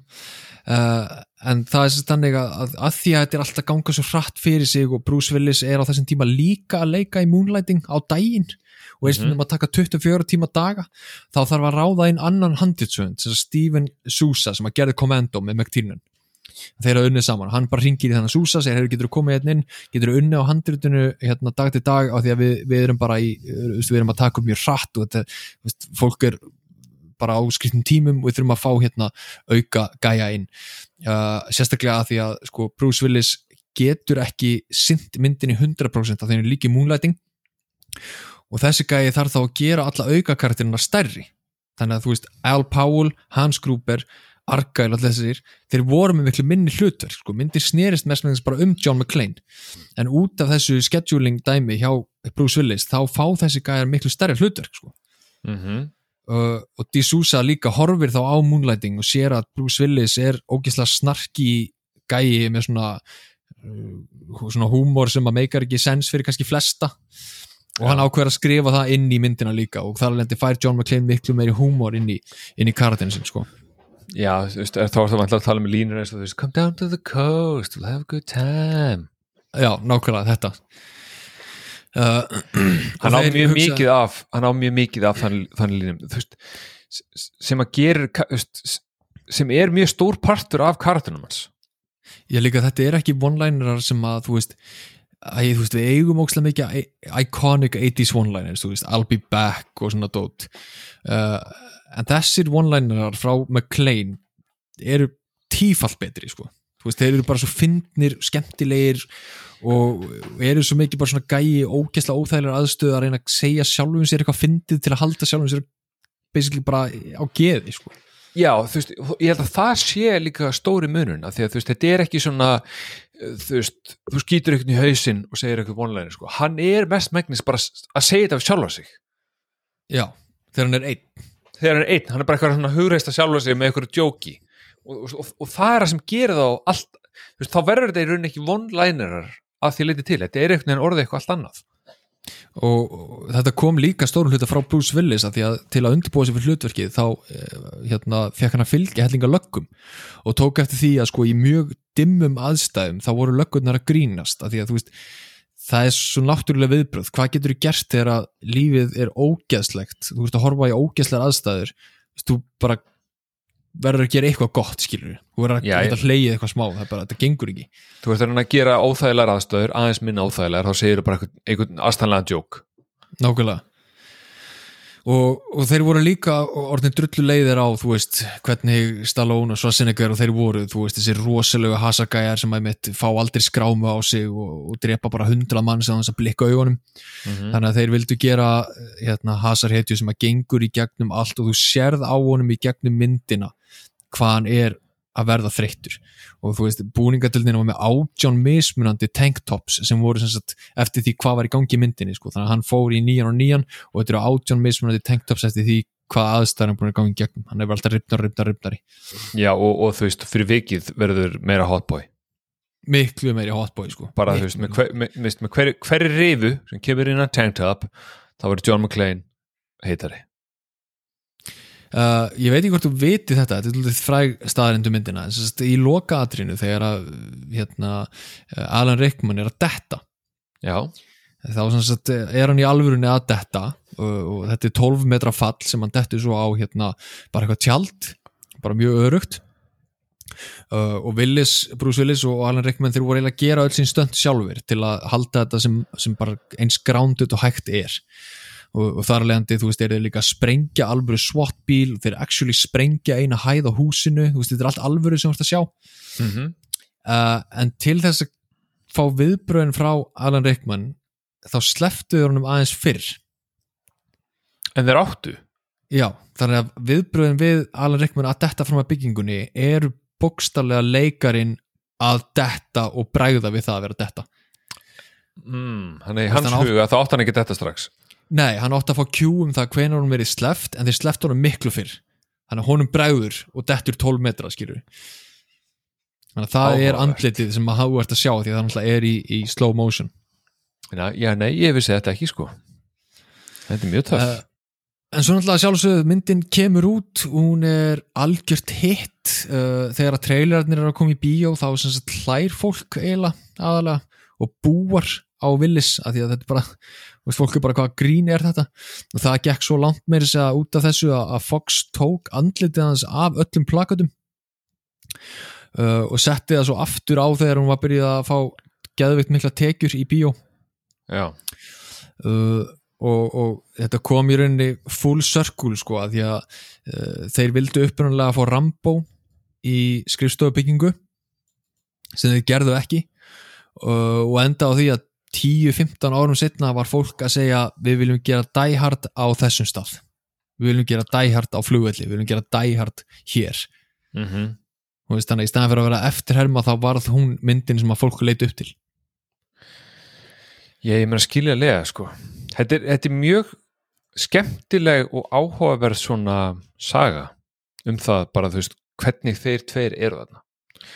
Mér finnst þetta alltaf svo áhugavert og, það, það er, skiptir engum máli. Þetta ákveðski meira við um, um stærri myndir sem maður, maður hefur séð oft Lord of the Rings eða hvernig sem það er. Þú veist að ímynda maður sér einhvern annan í hluturkonum og þú veist, maður getur með engum móti ímynda sér neina aðra heldur en þá tvo. Þeir eru fullkomnir í þessari mynd. Já. Þetta er líka hlutverki sem að Bruce Willis hefur oft sagt að sé uppáhaldshlutverki hans það er að leika John McClane. Já, veist, og þú veist, hann er eins og því, hann er fullkomin blanda að vera bara einhver algjör fucking badass sem segir yippee motherfucker. Og og einhver svona humorist, veist, bara gæði sem er líður ömulega og er bara eitthvað að tjóka af því að veist, hann, hann er bara trying to get through. Það er líka eitt sem ég var að hugsa þegar ég var að horfa myndina sko að þetta handrit, þráttur að vera mjög mikill spuni þá ertu í grunninn með ótrúlega vel skrifa handrit. Uh, og ástæðin fyrir því er að sko þú ert með svona endurtekna hluti sem eru rosalega litlir en hafa stór áhrif sittna mér það er meðal annars í hérna, að byrja á því að dæmis í flugvelinni þá segir gæinn, hvað, ertu jetlagged? Já, farðu úr skónum og gerðu, þú veist, fist with your toes.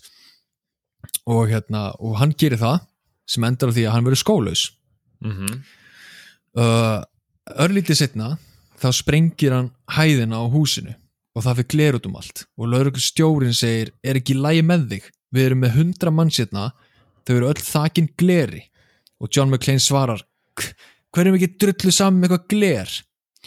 Örlítið setna í myndinni skjóta vondukallandi gler og hann stígur í glerið skólus Hans Gruber, hann sá að hann var skólus já, þannig að hann í shoot glerið. glass. Shoot a glass Carl Sh- Shoot a glass, Carl og þá er hann skólaus búin, búin að gera grína þessu tós, hérna uh, tádæmið hérna, orðin skólaus gera grína glerinu, fari gler í lappinnar endar særður, þarf að draga lappinnar út um allt, þetta eru svona litli hlutir sem byggjast upp. Þetta eru rosalega góð handritsskrif af því að þú veist, þú tekur ekki eftir þess að þú ert að horfa á myndina en svo er þetta, þú veist í rauninni reference í eitthvað sem mun gerast aðeins setna, á þess að takir Mhm. eftir því sko. ég hérna þetta hérna með glerið og, og, hann hafi sagt af lögguna þetta ég, þegar þú segir það, jú, þá man ég eftir í en uh, þessi tenging þetta er eitthvað svona, veist sem, þetta er mjög sniðt ef þú, grípur þetta Já, ég meina þú veist náttúrulega grípur þetta ekki fyrir að horfa myndina á okkur sinnum skilur og byrja og eins, eins og ég er að gera, ég er að hugsa um allt aðra hluti þegar ég er að horfa myndina heldur en bara myndina sjálfa. En að sjá hana þúsund sinnum sko. Já, Þú veist þá er ég byrjað að spila framtíðar atriði fyrir mér og er að hugsa byrju, já ok, byrju, nú er hann að gera grína gleri en hann alltaf að fá gleri í löppina sko. Það var svona, já, heyrðu, þetta er náttúrulega skrifa þetta er náttúrulega bara, ah, þetta er pælingin skilur já, það var bara, þú veist, það held ég- það er langt síðan ég sá þessa mynd að, þú veist, ég var ekki að fara ná þessum, þessu hugar ástandi sem þú varst í, sem þú ert Nei, nei, en, en það er það líka ekkit pælingin, þetta er bara rosalega sniðu handritskrif Þetta er mjög sniðugt sko. Það sem að mér finnst líka mjög sniðugt og skemmtilegt við þetta allt saman er að, að hérna löggunar bæði hérna aðal gæin á svæðinu sem er að stjórna lö lögreglur niður sem er yfirmar Els er algjör djúsbæk Já, Ég það hafði- er algjör tvívl, óþólandi Já, ég hafði, mér fannst mér fyndi þegar að hérna uh, þegar Ál segi við hann hérna, hei, þú veist, það lendi lík á, á bílnum mínum. Og hann segir, já, ég meina, það er pottið bara ykkur hérna, depressed stockbroker skilur þú, hvað er það að segja mér, hættu kjátt að Já, depressed stockbroker broker, klukkan, þú veist, hálf nýjum kvöldið einmitt. já, hann bara, já, ég ætla bara að henda mér þetta fram. Já, þetta er pottið bara það, sko. En, þú veist, og hann og líka hérna FBI-gæðinir skilur, þú veist, þeir mæta hann, jú þeir eru mjög svalir, mjög töff jakkafötum, virðastum alltaf hreinu. En enda auðvitað því í þyrlu þar sem þeir ætla bara gjörsamlega fuck shit up. Það er, þeim er alveg sama hei, þú veist, hei, sko ég við spáum fyrir því að 25 til 30% af gíslumunu deyja, ertu ekki sáttu með það?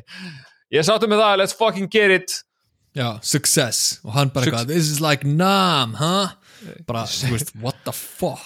Já, og það er, þú veist, og, og, og það er það sem er mér fannst að gaman vera hérna því að það setur Hans Gruber og þetta krú í rauninu allt annað samingi að þeir eru með svona yfirvegar þegar Holly Gennaro kemur inn og segir heyrðu, við erum óleitt að koni hérna, þú veist, fólk þarf að fara klóstið bara já, það er hárreitt við bara, við rettum því, veist, við látum það gerast. Svo fæðu FBI agents við erum alltaf hreinu og þeir eru bara fucking, hey, just like fucking Saigon, bitch, yeah! Og alltaf bara fucking skjóta, alltaf bara gísla degi mér öllu dressum, að við að glæpamenninni eru actually spá í því hvað gíslandi getur gert, jú, jú við getum komið aftur á punktunum og þeir allir vissulega sprengið allar í drasl í lókin en, skilur, en þú veist þeir eru samt ekki settir hann upp Nei. er ekki settur hann upp Þeir þannig að þeir löggan sko. Þeir eru skrifar alltaf hann löggan, sjálf, ekki John McClane heldur, löggan eru algjöru fucking cowboys, bara einhverju fucking brjálæðingar sem eru bara tilbúin að drepa allt og alla. Glæpamennir, þeir eru bara mjög agaðið með gott plan, þeir eru bara með markmið þeir eru bara að stela peningum, þeir eru, veist, fólk þarf ekki að deyja þeir eru þetta sprengingunni í lokin, gleym því. Sem er líka það sem að Hans Gruber gerir ráð fyrir, þú veist, hann segir við John McClane, heyrðu, þú veist bara einn af þessum bandarísku fáutum sem hefur séð allt og mikið að bíómyndum og heldur þú sért eitthvað cowboy. Já. Og, og það er bara 100% nema, John McClane er rauninni ekkert að cowboy. Löggan er það fucking cowboy. Já, John McClane er, er, er, er hérna, sá sem hann reiknaði ekki með, sko. Já, nei, you, you don't predict John McClane, sko. Sigur en FBI-gæðinir eiga eina bestu línu í þessari mynd það er hérna Special Agent Johnson. This is Special Agent Johnson, no relations. Já, annar hvítur og einn svartur. Þetta er bara svo fullkomin lína eitthvað, heita nákvæmlega sama hlutin eru klættir alveg eins báðir að koma frá FBI Á, já, veist. Sko ég ætla bara Ok, ég skrifa hérna alveg veist, Það er fullt það, er svo, það er svo mikið af grjóthörðum atriðum í þessari mynd þú veist, bara til, þú veist, í lokin til dæmis þegar hann, hann, þegar hann setur utan um the fire hose hoppa fram á húsinu skýtur rúðuna, hoppar hann úr gluggan þú veist, þetta er svo grjóthart. En það sem að, just, ég ætla að fá þið til að gera þetta er bara, ein, þetta er bara einföld spurning uh, ef þú ætlar að lýsa þessari mynd þrjú orð hvað myndir þú nota? Þurfa þau öll að vera lýsingur orðið það? Já, þú veist bara helst, ef maður ekki lýsa myndum oft með lýsingar orðum en, en, þú, veist, en, en þú, þú mátt segja sem þú vilt. Bara, Ég meina þú veist, ég, ég er með setningu sem að myndi lýsa þessari mynd sko. ok, Þú veist, so? Sorry, ég, ég sé eða ekki konceptið en ég er með eina setningu. Og, og hún er spurning. Þetta er svona, svona rhetorical svona spurning út í, út í alheimin ok, það er bara besta hasamynd allra tíma. Já. Já ég mynd, og loka spurningi minn mín í þessu var, er þessi mynd fullkomin? Já, ég, ég myndi segja það sko. Já. Ég held, ég held ég verði bara að vera veist, mér finnst þetta bara svo þetta er ógislega skemmtileg saga um þessa mynd. Hvernig þessi menn enda þarna hvernig eru kastur og öll þessi litlu hlutverk sem að áttu kannski ekki að vera svona stór eins og Ellis eins og Carl þetta er bara allt eitthvað svo geggjað. Já, líka þú veist eins og núna að vera búin að fara ekki um alltaf söguna á myndinni. Veist, hugsaður, þetta er, þetta er bókstallega hópra fólki sem er að hlaupa í eina átt og það er ekkert nema veggir sem að myndast bara fyrir þá.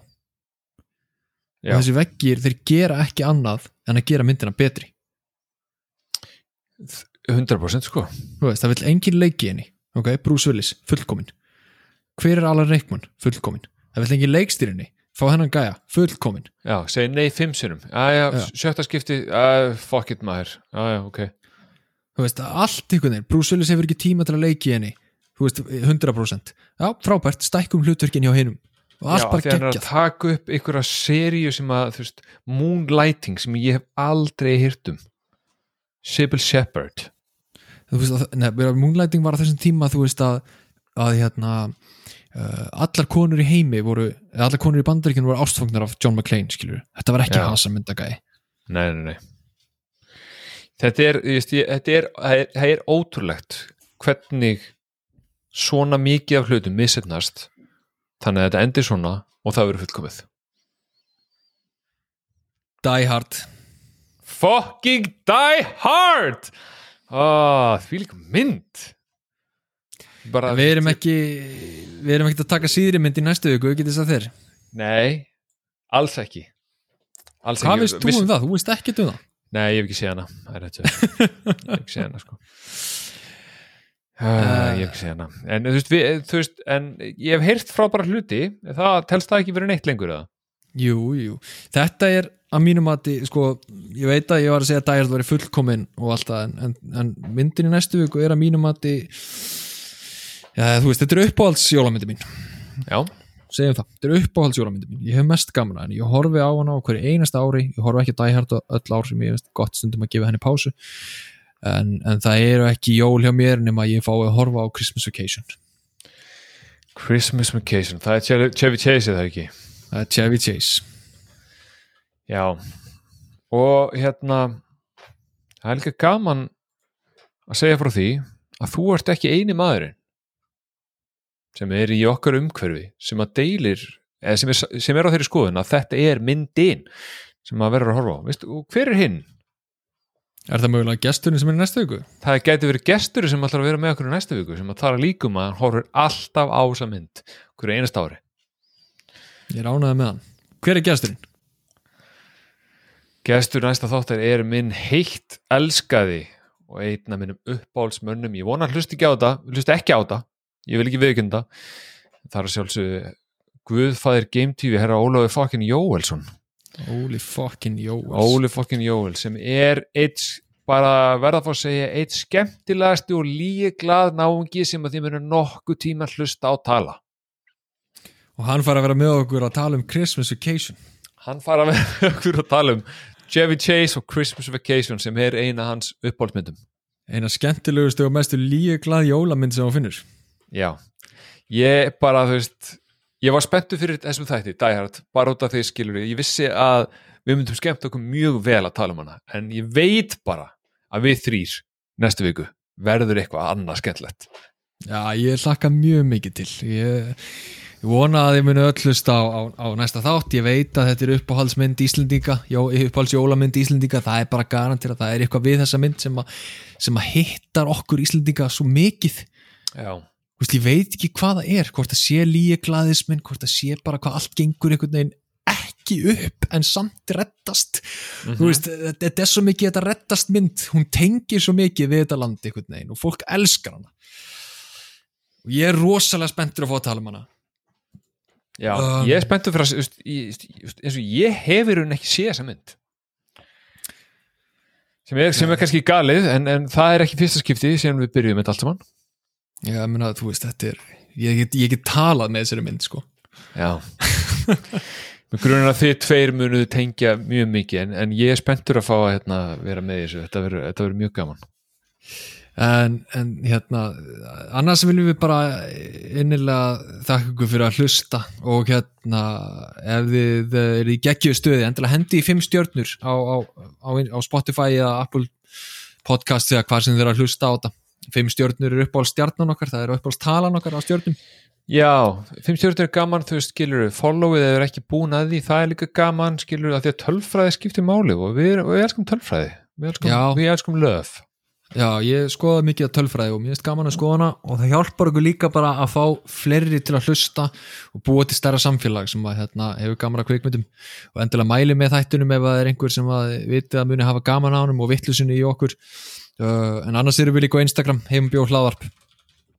Uh, annars bara þú veist heyrimstu í næstu viku með, með gest og, og þetta verður ekki við vorum með gest í síðasta mánuði líka þetta verður ekki, næsti gestur er ekki síðasti gesturinn. Við ætlum aðeins að, að fá fleiri aðla til að vera með okkur hérna uh, endilega horfið líka á myndina Christmas Vacation, þetta er svo geggjum mynd sko. mm, Já, þetta er eina sem myndum það sem þú vilt vera með. Já, alveg 100%